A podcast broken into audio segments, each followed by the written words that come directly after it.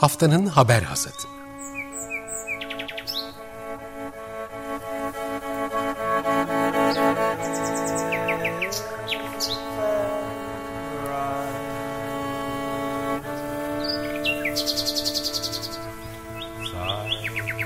Haftanın öne çıkan iklim haberleri ve araştırmalarından okumalar ve yorumlar.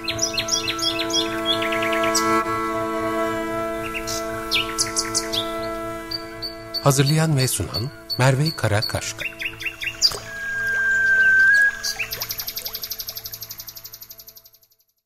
Günaydın, haftanın haber hasatına hoş geldiniz. Ben Merve Karakaşka. Önümüzdeki yaklaşık bir saat boyunca geçtiğimiz haftanın önemli iklim haber ve araştırmalarını paylaşıyor olacağız.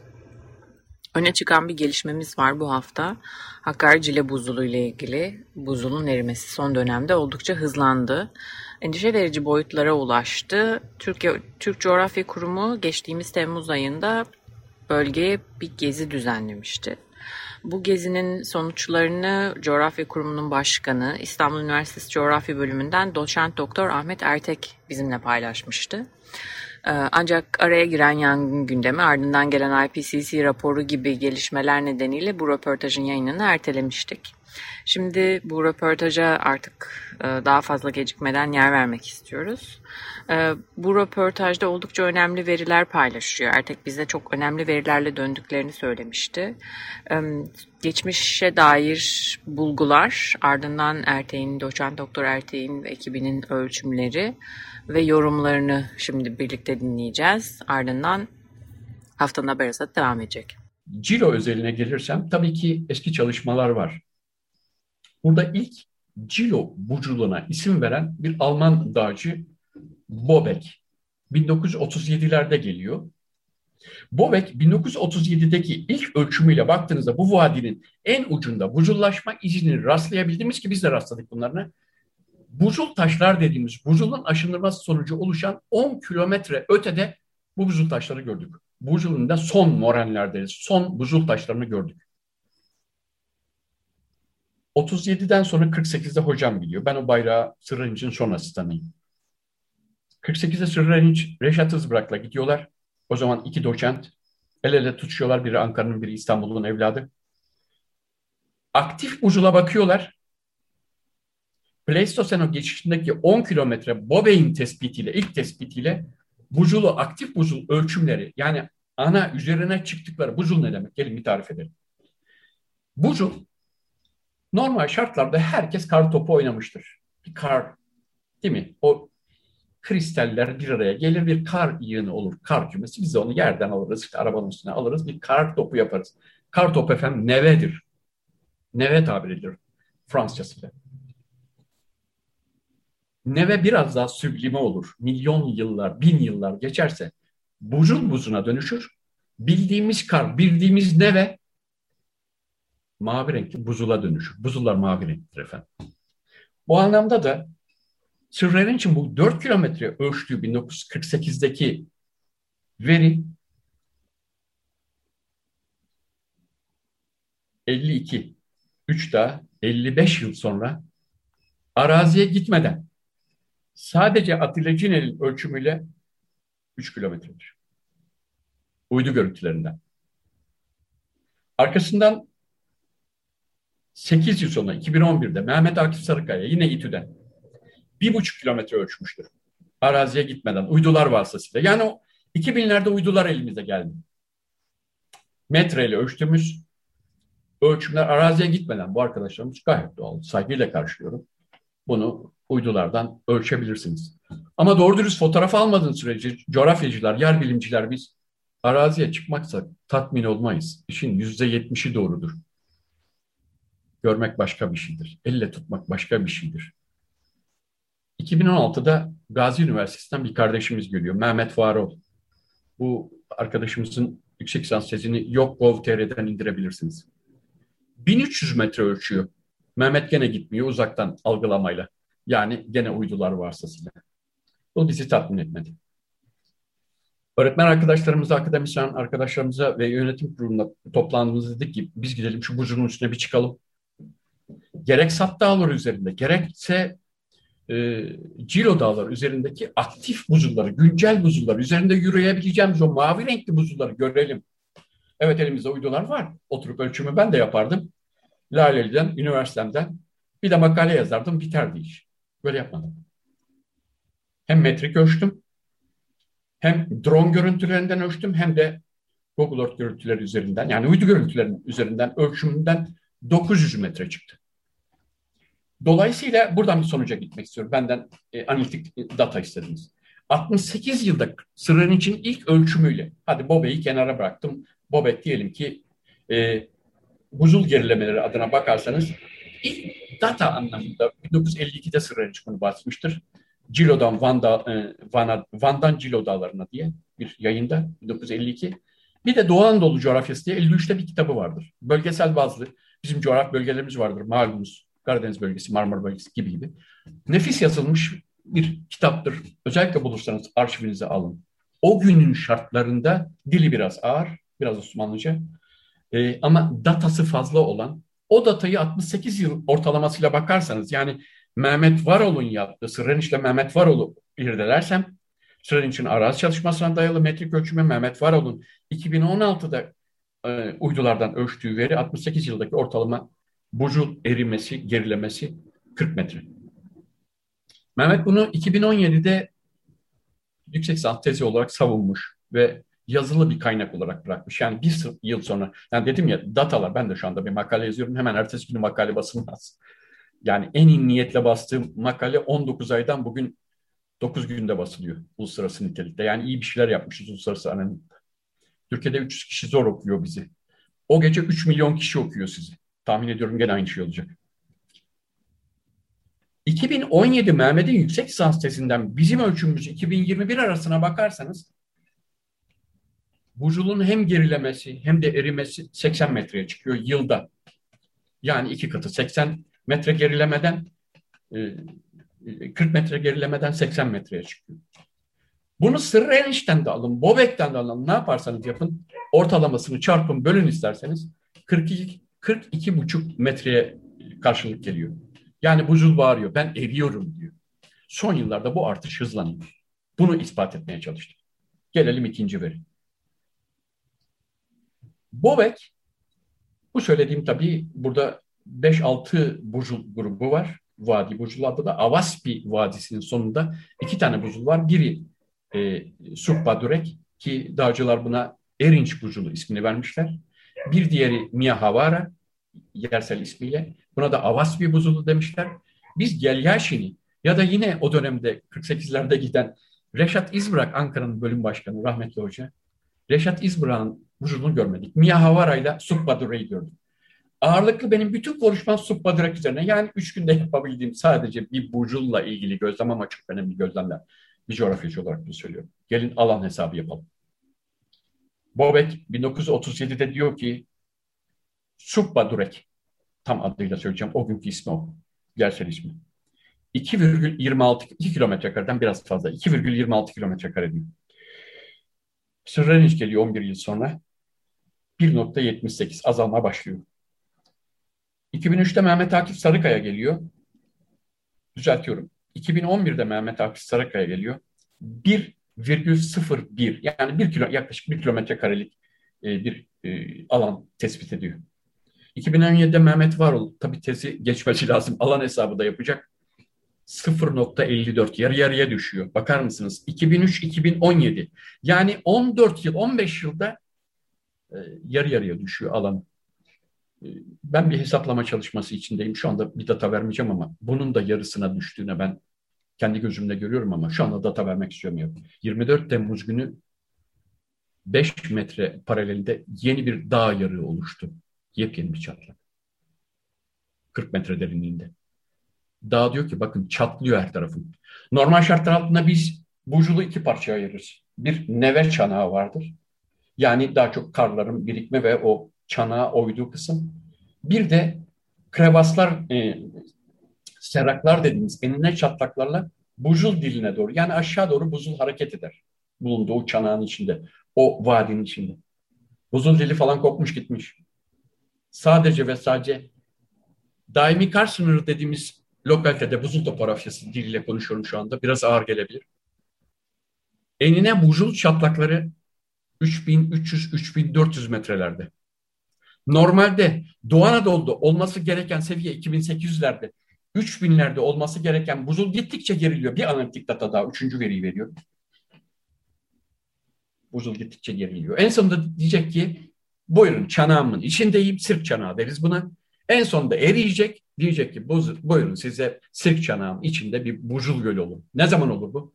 Bu hızla devam ederse 10-12 sene sonra hep beraber el ele tutuşuruz basınla da sizlerle de orada bir sirk gölü oluştuğunu görürsünüz. Bugün o sirk gölünün dil kısmında yaklaşık 1-1,5 kilometre uzunluğunda bir buzul gölü gördük.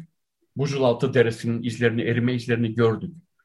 Ee, bu buzulun aslında bize feryadıydı. Yani küresel iklim değişikliği adına bakarsanız, flora gazları adına bakarsanız, nüfuslanma adına bakarsanız, şehirleşme adına bakarsanız, şehir içi adaların adına bakarsanız, karbon ayak isminiz adına bak. Nereden bakarsanız bakın bir kere gidişat negatif yönde. Türk Coğrafya Kurumu Başkanı İstanbul Üniversitesi Coğrafya Bölümünden doçent doktor Ahmet Ertek bizimle ıı, Cilo buzuluna yaptığı yaptıkları e, geziden e, ölçümlerini, verilerini aktardı. Bu e, bulgularıyla ilgili bir makalesinin de hazırlandığını ve yayınlanacağını da e, paylaşmıştı röportajımızda. Şimdi bir müzik molası vereceğiz haftanın haber hasatına. Ardından birlikte e, hasatın diğer haberlerine geçeceğiz. Hazır buzul döneminden, buzullardan bahsederken Halasin isimli şarkısıyla Bon bizimle birlikte olacak. Halasin biliyorsunuz genç buzul çağının bitmesiyle başlayan ve günümüze kadar uzanan durgun buzul, buzul durgun dönemine verilen isim. Bu isimli bir parçası ve aynı zamanda Bon Iver iklim için harekete geçen sanatçılardan biri oldu. bunları da konuşacağız hasatta. Ardından yine birlikteyiz. Açık Radyo'da haftanın haber hasatında Bon Iver dinledik. Holocene isimli şarkısıyla bizimle birlikteydi. Şimdi hasatın diğer haberlerine geçiyoruz. İlk haberimiz ABD'nin Ulusal Okyanus ve Atmosfer Dairesi NOAA ile ilgili. Ee, her yıl yaz aylarında iklimin durumu raporunu yayınlıyorlar ve oldukça önemli veriler paylaşıyorlar. 66 ülkeden 530 bilim insanı birlikte çalışıyor bu raporda. Ee, bu sene 2020 sonuçları paylaşıldı ki Covid-19 etkisine rağmen e, gezegende sera gazı salımları yine kayıtlara geçen en yüksek düzeylere ulaştı. Karbondioksit düzeyi 400.5 e, parçacık milyonda 412.5 parçacığa ulaştı ki bu bir önceki yıla göre 2.5 parçacık milyonda yine daha yüksek bir seviyeydi. İlginç olan aslında bir taraftan burada bilim insanlarını şaşırtan bir bulgu metanın aslında metan salımında yeni bir rekor kırılıyor olması. Yani karbondioksitin yükselmesini görüyoruz ama bir taraftan metanın neden bu kadar çok yükseldiği ayrı bir soru işareti olarak duruyor. Bununla ilgili araştırmalar yapıldığı söyleniyor ancak e, atmosferde yoğunlaşan metan türünün e, daha çok bakteriyel kaynaklı olduğu ve bunun da e, hayvancılık faaliyetleri ve tabii ki çöp sahalarındaki yığılan atıkların ayrıştırılmasına bağlı artışa geçmiş olabileceğine dair ipuçları barındırdığı yorumlanıyor.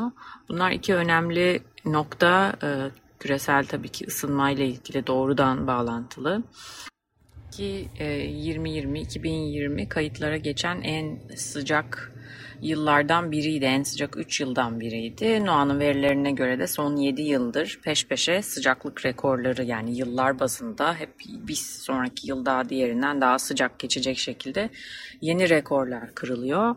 Yani bazı bazı birçok noktadan aslında alarmları, e, sinyalleri görüyoruz. Yıllık Küresel deniz seviyesi keza yeni bir rekor yüksekliğe ulaştı. Okyanus sıcaklıkları yine rekor kırdı. Arktik'teki yüzey sıcaklıkları son 121 yılın en yüksek düzeyine ulaştı ki bu sıcaklıklar birlikte Arktik'te yangınları da tetikliyor. Ee, yeni bir rekor kırıldı bu yangınlarda ki hasatın ilk sayılarında biz bu yangınlara yer vermiştik. Ee, burada kısır bir döngü de oluşuyor. Daha çok yangınlar, e, daha doğrusu ısınma fırtınaları ve yıldırımları ve şimşekleri tetiklerken e, bu bunun karşılığında yine yıldırımlar ve şimşekler daha çok yangını tetikliyor ve, ve kısır bir döngü oluşuyor. Daha çok ısınma gerçekleşiyor vesaire vesaire. Buna bağlı olarak Arktik'teki e, minimum e, deniz buzu e, kapsamı da daralıyor ve en düşük seviyeye gerilemiş durumda 2020'de. Okyanuslar için de alarm veriyor. Okyanuslar 2020'de rekor düzeyde karbondioksit depoladılar. Biliyorsunuz dünyadaki en önemli karbon yataklarımızdan.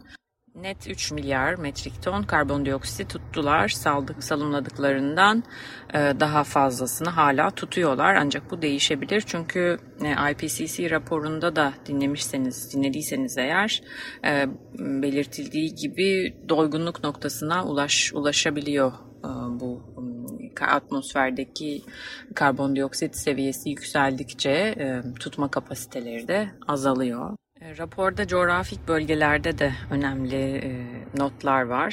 İşte Kuzey Amerika'da milyar dolarlık felaketlerin sayısı yeni bir rekor kırıyor. Biliyorsunuz yangınlar, e, kasırgalar ve en az 1 milyar dolarlık hasara yol açtığında bunlara milyar dolarlık felaketler deniyor. NOAA bunları aylık olarak ölçüyor Amerika için ve ciddi bir seviyeye ulaştı.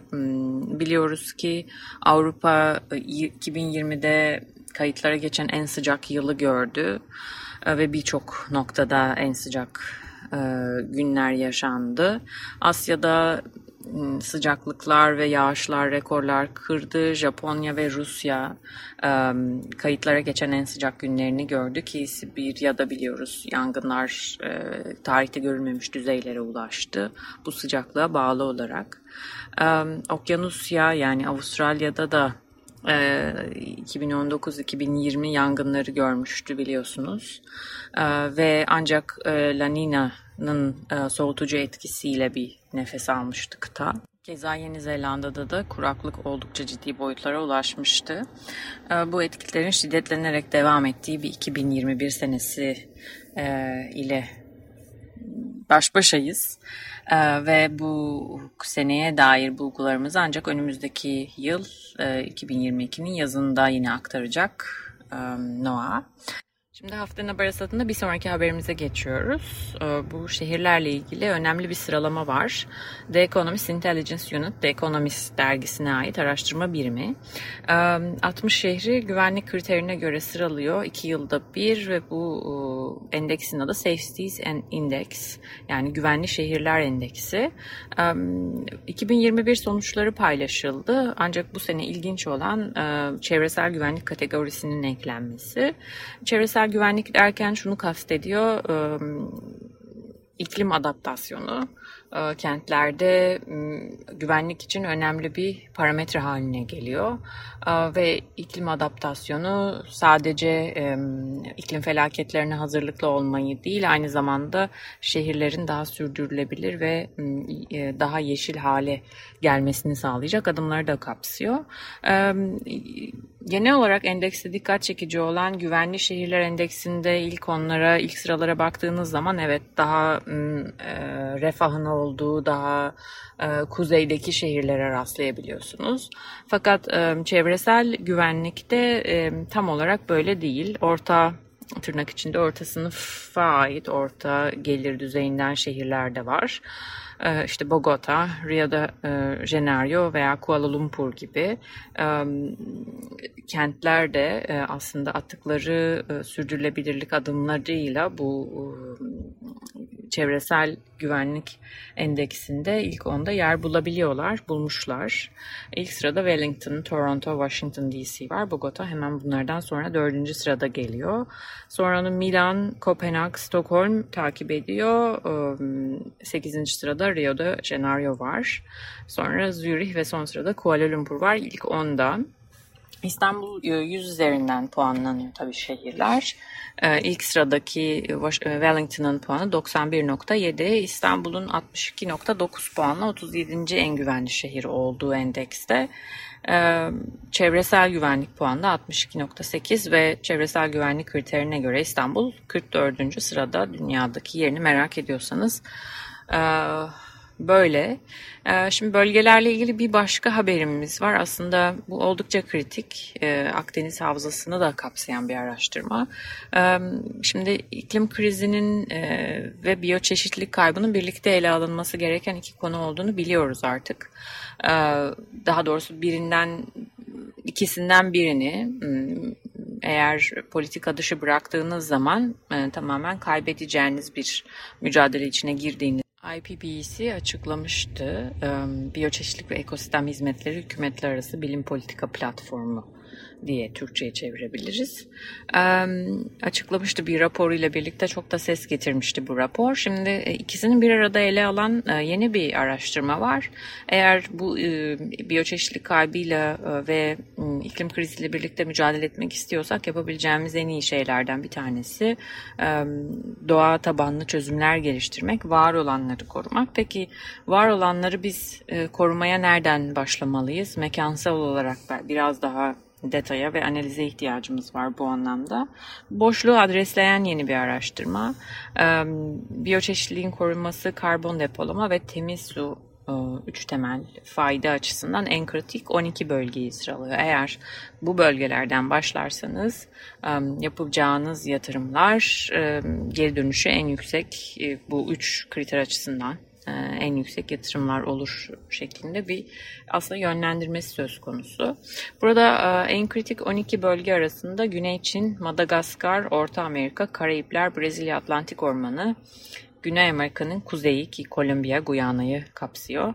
Güneydoğu Asya, Kongo Havzası ve Güney Afrika'nın bazı bölümleri, Avrupa Rusyası, Papua Yeni Gine, Akdeniz ve 12. sırada Güney ve Doğu Amerika Birleşik Devletleri'nin bazı bölgeleri var. Araştırma ile ilgili çarpıcı bir bulgu. Bu o, öncelikli sıralanan alanların sadece %10'luk bir, bir bölümü doğru yönetildiğinde buradaki tüm omurgalı ve bitki türlerinin %42.5'inin korunacağını not ediyor. Bununla birlikte dünyadaki tüm e, karbonun %26'sı ve temiz suyun da %22.1'i korunmuş oluyor araştırmaya e, göre. Peki bu oran %30'a çıktığında ne oluyor? Yani korunan alan, doğru yönetilen alan oranı %30'a çıktığında %57.9'a e, yük, yükseliyor omurgalı ve bitki türlerinin oranı. E, dünyadaki tüm karbonun %60.7'si, tatlı suların, temiz suların daha doğrusu %66'sı e, korunmuş ve iyileştirilmiş oluyor. Bu araştırmada bu bilgiyi bize veriyor. Ee, korunan bölgelerden biri olan Madagaskar e, çok önemli bir bölüm, bölge, e, öncelikli bölgeler açısından.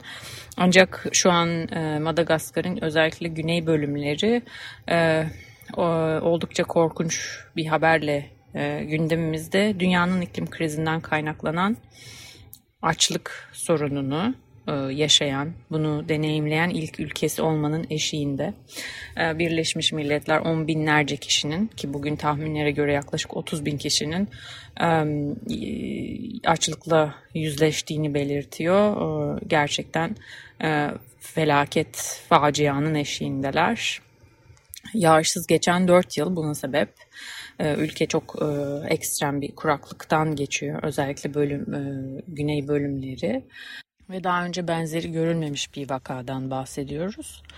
E, bu tabii ki Madagaskar'ın e, dünyanın e, en çok e, iklim krizine sebep olan ülke olması gibi bir durum söz konusu değil. E, gayet de son sıralarda belki yer alacak bir ülke olmasına rağmen e, kuzeyin her zamanki gibi refahının bedelini ödeyen e, ülkelerden, ilk ülkelerden biri olması e, yine bu konudaki eylemsizliğinin de eylemsizliğimizin de bedelini ödemesi e, gerçekten işler acısı bir durum. E, şimdi Türkiye'den bir haberle devam edeceğiz ama bu noktada bir müzik molası verelim istiyorum. Yine iklim için harekete geçen Krangben isimli popüler grubun So We Won't Forget, Unutmayacağız isimli parçasını dinleyeceğiz. Ardından haftanın haber satı kaldığımız yerden devam edecek. Haftanın haber asatında Khruangbin bizimleydi. So We Won't Forget isimli şarkısını dinledik. E, haftanın haber asatında Hasat'ın diğer haberlerine kaldığımız yerden devam ediyoruz ve şimdi Dersim'e uzanıyoruz. Dersim'de Hozat ilçesine bağlı Danzi ve Kuru Kaymak köyleriyle Koçeri mezrasında başlayan orman yangını 10 günü geçti. Hala aktif ve ovacığa sıçradığı belirtiliyor. Ee, yangını söndürmek isteyen yurttaşların alana girmesi kaymakamlık iznine bağlandı ee, ve müdahalenin hızlanması gerektiği yönünde çağrılar var. Ee, bu konuda e, Fatih Mehmet Maçoğlu, e, Dersim Belediye Başkanı Twitter'da bir çağrı yayınlamıştı. Şimdi o çağrıyı sizinle paylaşacağız. Onun ses kaydını sizinle paylaşacağız. Ardından hasatın diğer haberlerine devam edeceğiz. Değerli basın emekçileri, yangın haberini köyde aldığımızdan 10 gün sonra hala yangına bir müdahale edilmediğini, daha da çok büyüdüğünü, e, Buzlutepe köyüne bir kilometreye kadar yaklaştığını dün köylülerle yapmış olduğumuz görüşmeler sonrasında teyit edildi. Bizler bu süreçte Türkiye'de olan bütün yangınların insanları için nasıl acıttığını biliyoruz. Bugün bu topraklarda bir yangın var ve bu yangına müdahale etmek istediğimizde güvenlik nedeniyle o bölgeye giremeyeceğimize dair il makamınca bize bildirildi. Ancak bizler biliyoruz ki bu tür yangınlar bu kadar sarp alanlardaki yangınların ancak ve ancak hava destekli söndürme söndürmeli olacağını. Yine de Orman Müdürlüğü'ne ait çalışan arkadaşlarımızın denetiminde bir o, o tür yerlere yani bu yangınlara müdahale edilebileceğini de biliyoruz. Bizlerin talebi şu. Biz burada bir yangın var. O yangın alanında bütün canlıların yaşam hakkı yok yok oluyor, sonlandırılıyor ve bitkiler yok oluyor, orman yok oluyor. Bakın gördüğünüz üzere en az 5-6 kilometrelik alanda bir yangın var ve bu yangına müdahale edilmesi gerekiyor. Dün saat 2 civarında o bölgeye Buzlutepe'ye gitmek istediğimizi ancak Bilgeç Karakolu'nda o bölgeye sivillerin gidemeyeceğini ben belediye başkanı olduğumu söylememe rağmen o bölgeye köye gidemeyeceğini ne dair bir engelleme oldu. Yapılan görüşmeler sonrasında valilik, valilikle yapılan görüşmeler sonrasında o köylere gidilebileceğini ancak yangın bölgesinde güvenlik açısında sakıncalı olduğu için e, oraya e, gidilemeyeceğine dair bir izin çıkarıldı. Köylere giderken bir buçuk iki saate yakın izin çıkmasına rağmen köye giremedik. Ovacık Kaymakamı bölgeye kendisi gelerek gerçekten de hiç kabul edilemez bir üslup ve tarzda üzerimize yürümesi Dersim Belediye Başkanı Fatih Mehmet Maçoğlu'nu dinledik. Dersim'de e, hızlanan yangınlarla ilgili yorumunu aktardı. Şimdi Türkiye'den haberlere devam edeceğiz. Bu sefer e, tartışmalı bir diğer konu plastik atıklar, tek kullanımlık plastikler yasaklanması biliyorsunuz gündemde. Hatta son olarak İngiltere'de tek kullanımlık çatal, bıçak ve tabakların yasaklanacağı bardaklarla birlikte yasaklanacağı haberi de geldi belki. Bunu da not etmek lazım ama Türkiye'de e, tam tersi yönde bir e, gelişme yaşandı. Ee, bir tek e, kullanımlık plastik çatal bıçakların satıldığı, tek kullanımlık plastik ürünlerin satıldığı bir zincir market açıldı. Türk Plastik Sanayicileri Araştırma Geliştirme ve Eğitim Vakfı PAGEV'in öncülüğünde PAGEV Başkanı Yavuz Eroğlu bu konuda çok e, skandal diyebileceğimiz açıklamalarda bulundu. E, ki buna tek kullanımlık plastiklerin sağlık için faydasına, çevre için pozitif etkisine kadar ulaşan iddialar yer aldı bu e, paylaşımlarda, e, bu halkla ilişkiler çalışmalarında diyebiliriz. Haberlerde de yer aldı bunlar. Yazılı ve e, görsel medyada da yer aldı. E, mikroplastik araştırma grubu bu iddialara yanıt niteliğinde Twitter'dan paylaşımlar yaptı. E, bu paylaşımlara bir göz atmak e, isteyebilirsiniz. Bu paylaşımlardan öne çıkanlardan ben de birkaçını burada e, paylaşayım. Örneğin tek kullanım plastik, tek kullanımlık plastik ürünlerin suyun üzerinde yüzdüğü için e, temizlenebilmesi ancak kutu kola veya cam şişelerin suyun dibine battığından denizlerde daha fazla kirlilik yarattığı gibi bir iddia atılmış e, PAGE tarafından. Mikroplastik araştırma grubu tabii bunu e, araştırmalarla yayınlanmış araştırma, bilimsel araştırmalarla çürütüyor. Ve hatta mikroplastik araştırma grubu tarafından yapılan bir araştırmaya göre e, İskenderun Körfezi dibindeki deniz çöplerinin %75'ini tek kullanımlık plastik çöpler oluşturuyor e, gibi çarpıcı bir veri var elimizde. Veya e, pandemide tek kullanımlık plastiklerin çok ciddi boyutta talep gördüğünü ve büyük bir kirliliğe ulaştığını biliyoruz. Ve hala bunun hijyen sağladığını savunuyor PAGEV.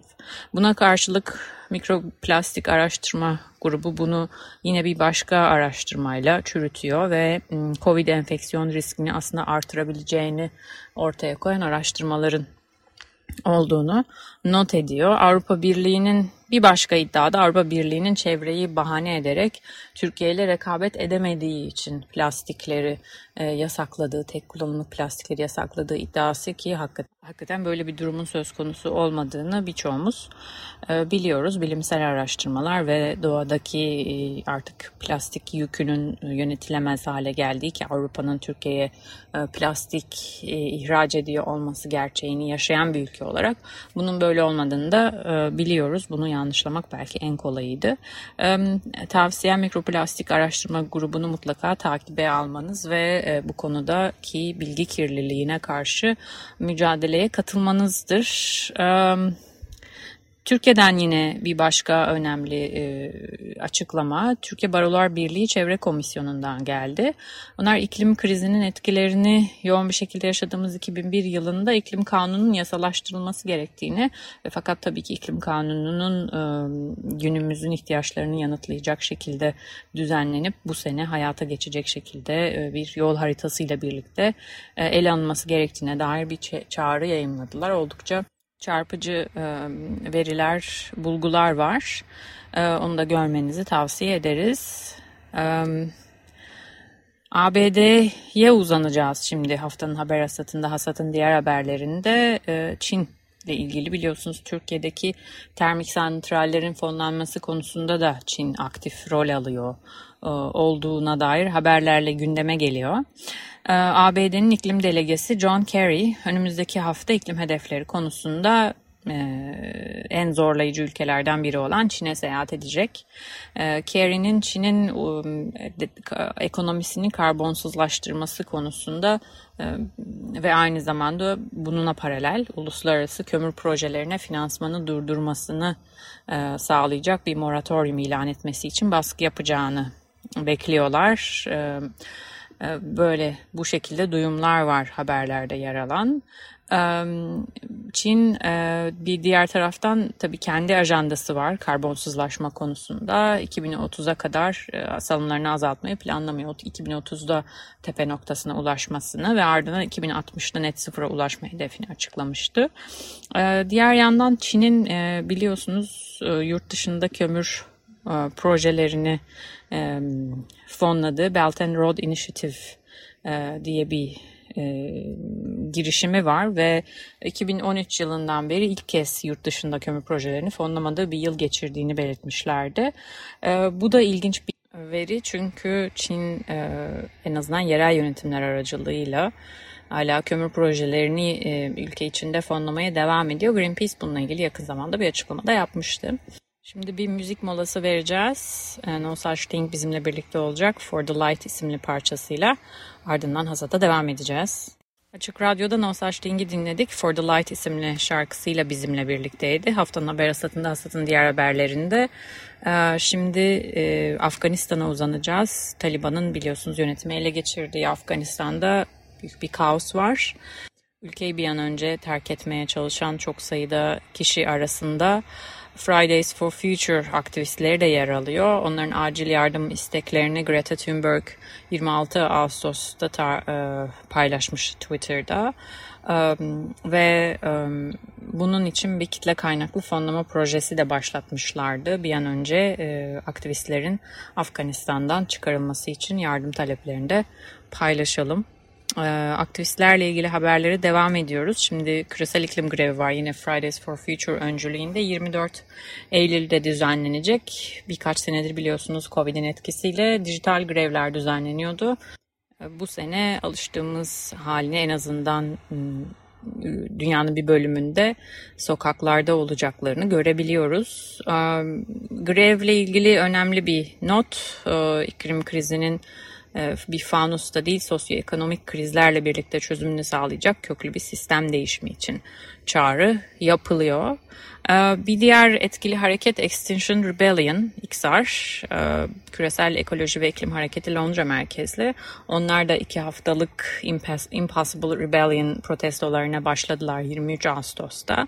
Londra'da çok işlek ve gözde noktaları ele geçirip iklim krizine dikkat çekmeye çalışıyorlar.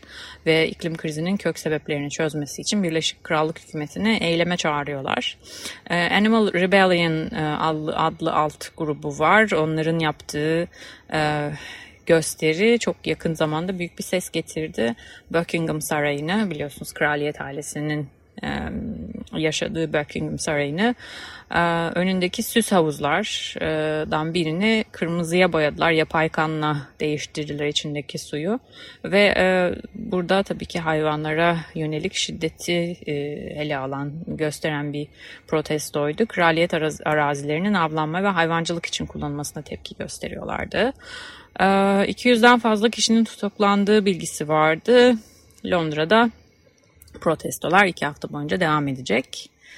Ekolojik yıkım her yerde, ekolojik yıkıma direnen insanlar da her yerde. Çok uzaklara da gitmeye gerek yok. Anadolu'nun Ses Arşivi bölümümüzle bu insanların seslerini aktarıyoruz. Bu hafta Anadolu'nun Ses Arşivinde Kaz Dağı Doğal ve Kültürel Varlıklarını Koruma Derneği Yönetim Kurulu Başkanı Süheyla Doğan e, bizimle birlikte oldu. Kendisi Cengiz Holding'in Halil Ağa Bakır ve Altın Madeni projesi hakkında güncel durumu paylaştı. Şimdi onu dinliyoruz. Ardından hasatın sonuna geleceğiz. Ee, Süheyla Doğan ben. Kazda Doğal ve Kültürel Varlıkları Koruma Derneği Yönetim Kurulu Başkanıyım.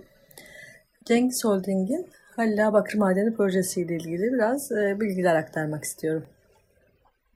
E, Bayrami Çan ilçelerinde Cengiz Holding tarafından gerçekleştirmek istenen ve onlarca köyü etkileyecek olan Halla Bakır Madeni projesi için tüm itirazlarımıza ve halkın tepkilerine rağmen ne yazık ki 26 Temmuz 2021 tarihinde ÇED olumlu karar verildi. Çevre Şehircilik Bakanlığı'nın bu kararına karşı Kaz Dağları Ekoloji Platformu'nun organizasyonuyla 24 Ağustos'ta davamızı açtık. Kaz Dağı Doğal ve Kültürel Varlıkları Koruma Derneği, Çanakkale Tabip Odası, İnsan Hakları Derneği Çanakkale Şubesi, Gülpınar Sürdürülebilir Yaşam Derneği, Ayvalık Tabiat Derneği, Ege ve Marmara Çevre Belediyeler Birliği gibi altı kurumsal davacı dışında bölgede yaşayan köylüler, vatandaşlar, 82 vatandaş da davacı oldu. Cengiz Holding söz konusu projeyi 2019 yılında Kanadalı Liberty Gold'dan 55, 55 milyon dolara devralmıştı. E, ruhsat sahibi olarak Turba Bakır Madencilik Anonim Şirketi görünüyor. Turba Bakır'ın ortakları ise Tek Madencilik ve Pilot Gold yani namı diğer Newmont. Devir işleminden hemen sonra projenin yeni çet süreci başladı. 10 Ağustos 2020 tarihinde. 15 Ağustos 2020 tarihinde de halkın katılımı toplantısının yapılacağını duyurmuştu bakanlık. E, bizler proje hakkında Çanakkale'de kurumlarla görüşüp e, bilgilendirmeler yaptık, itirazlarımızı dile getirdik. Bayramuç ve Çan'da köylerde bilgilendirme toplantıları yaparak projenin olası zararlarını anlattık. Çevre Şehircilik Bakanlığı'na pandemi koşulları nedeniyle toplantının yapılmaması için dilekçeler verdik, itiraz ettik. Ancak itirazlarımız dikkate alınmadı, toplantı gerçekleştirilmek istendi. Ancak yöre halkının ve sivil toplum örgütlerinin itirazları ve protestoları sonucu da toplantı gerçekleştirilemedi.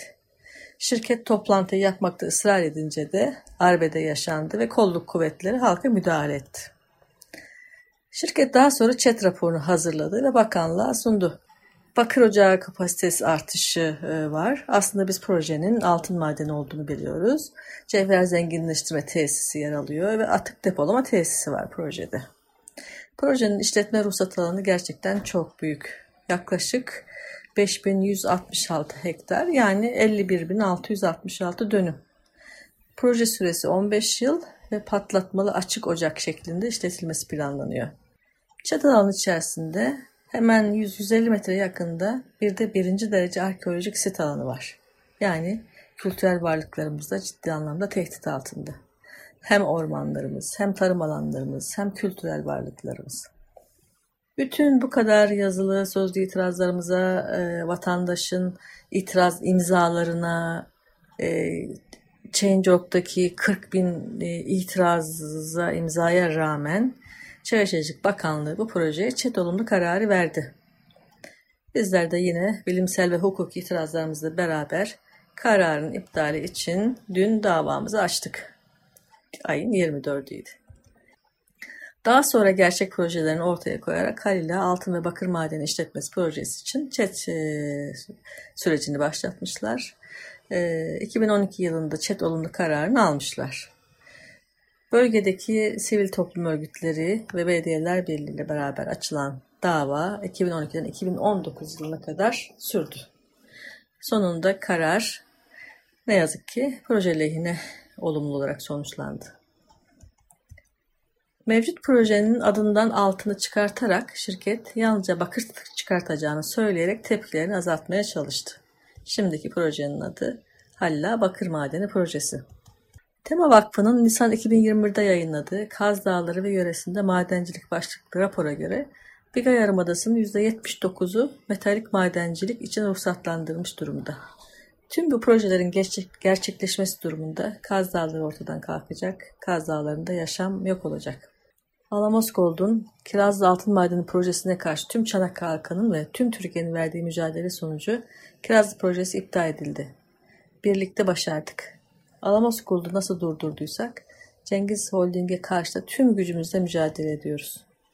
Ülkemizin her yerinde Artvin Cerattepe'de, İkizdere'de havamızı, suyumuzu, toprağımızı yok eden Cengiz Holding'in Kaz Dağları'nın, Cengiz Holding'i Kaz Dağları'nda da durduracağız. İktidarın ve sermayenin rant ve talana dayalı madencilik politikalarını boşa çıkaracağız. Kaz Dağları'nın üstü altından değerlidir diyoruz. Sevgi ve saygılarımızla. Açık Radyo'da Kaz Dağı Doğal ve Kültürel Varlıkları Koruma Derneği Yönetim Kurulu Başkanı Süheyla Doğan'ı dinledik. Kaz Dağları'nda Cengiz Holding'in Halil Ağa Bakır Altın Madeni projesi hakkında güncel durumu bizimle paylaştı. Ee, şimdi hasatın sonuna geldik. Burada söz bitmeden bölümümüzde e, yeni bir platformdan bahsetmek istiyorum. Undercurrent adında e, bir interaktif iklim aktivizm platformu diyebiliriz. Farklı sanatçıları bir araya getiriyor. Her bir sanatçı kendi işini, interaktif işini platformda ortaya koyuyor. İşte Bon Iver, Grimes, Mount Kimby, No gibi e, tanınmış müzisyenler yer alıyor. The 1975 gibi daha önceden aktivizmleriyle tanıdığımız müzisyenler yer alıyor e, ve özgün işlerini paylaşıyorlar. E, bunlar arasında e, DJ ve müzik yapımcısı Jada G'nin e, geliştirdiği 8 bitlik bir oyun da var. Bu bir onarıcı tarım oyunu. E, oyuncular e, katılıyorlar. Bir işte... E, arazide, yeşil bir arazide ekim, dikim, ormancılık faaliyetleriyle iç içe. Ve burada asıl e, oyun amacı kullanıcılara, e, oyunculara, insanlara bu yaptıkları eylemlerin, içinde bulundukları eylemlerin sonuçları olduğunu, dünyaya bir etki e, yaptığını göstermek. Belki doğadan koptuğumuz, bu işlerden uzaklaştığımız e, hız düşünüldüğü zaman bu tip farkındalıklara daha çok ihtiyacımız var. E, ve bu da hasatın son cümlesi oluyor. E, bizimle birlikte olduğunuz için teşekkürler. Bize her zaman geri bildirim vermenizi isteriz. Bunun için Açık Radyo İklim Gazetesi kanallarını kullanabilirsiniz, sosyal medya kanallarını. E, veya e, Açık Radyo'da da paylaştığımız e, yazılı metinde, Hasat'ın yazılı metninde bize nasıl iletişime geçeceğinizi gösteren bağlantılar da mevcut. Onları da kullanabilirsiniz. Hmm, önümüzdeki hafta yine haftanın haber hasatında görüşmek dileğiyle. Hoşçakalın.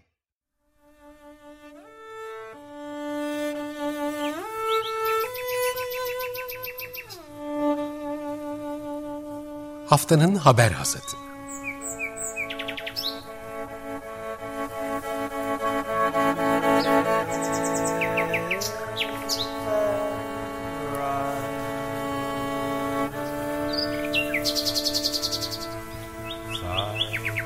Haftanın öne çıkan iklim haberleri ve araştırmalarından okumalar ve yorumlar.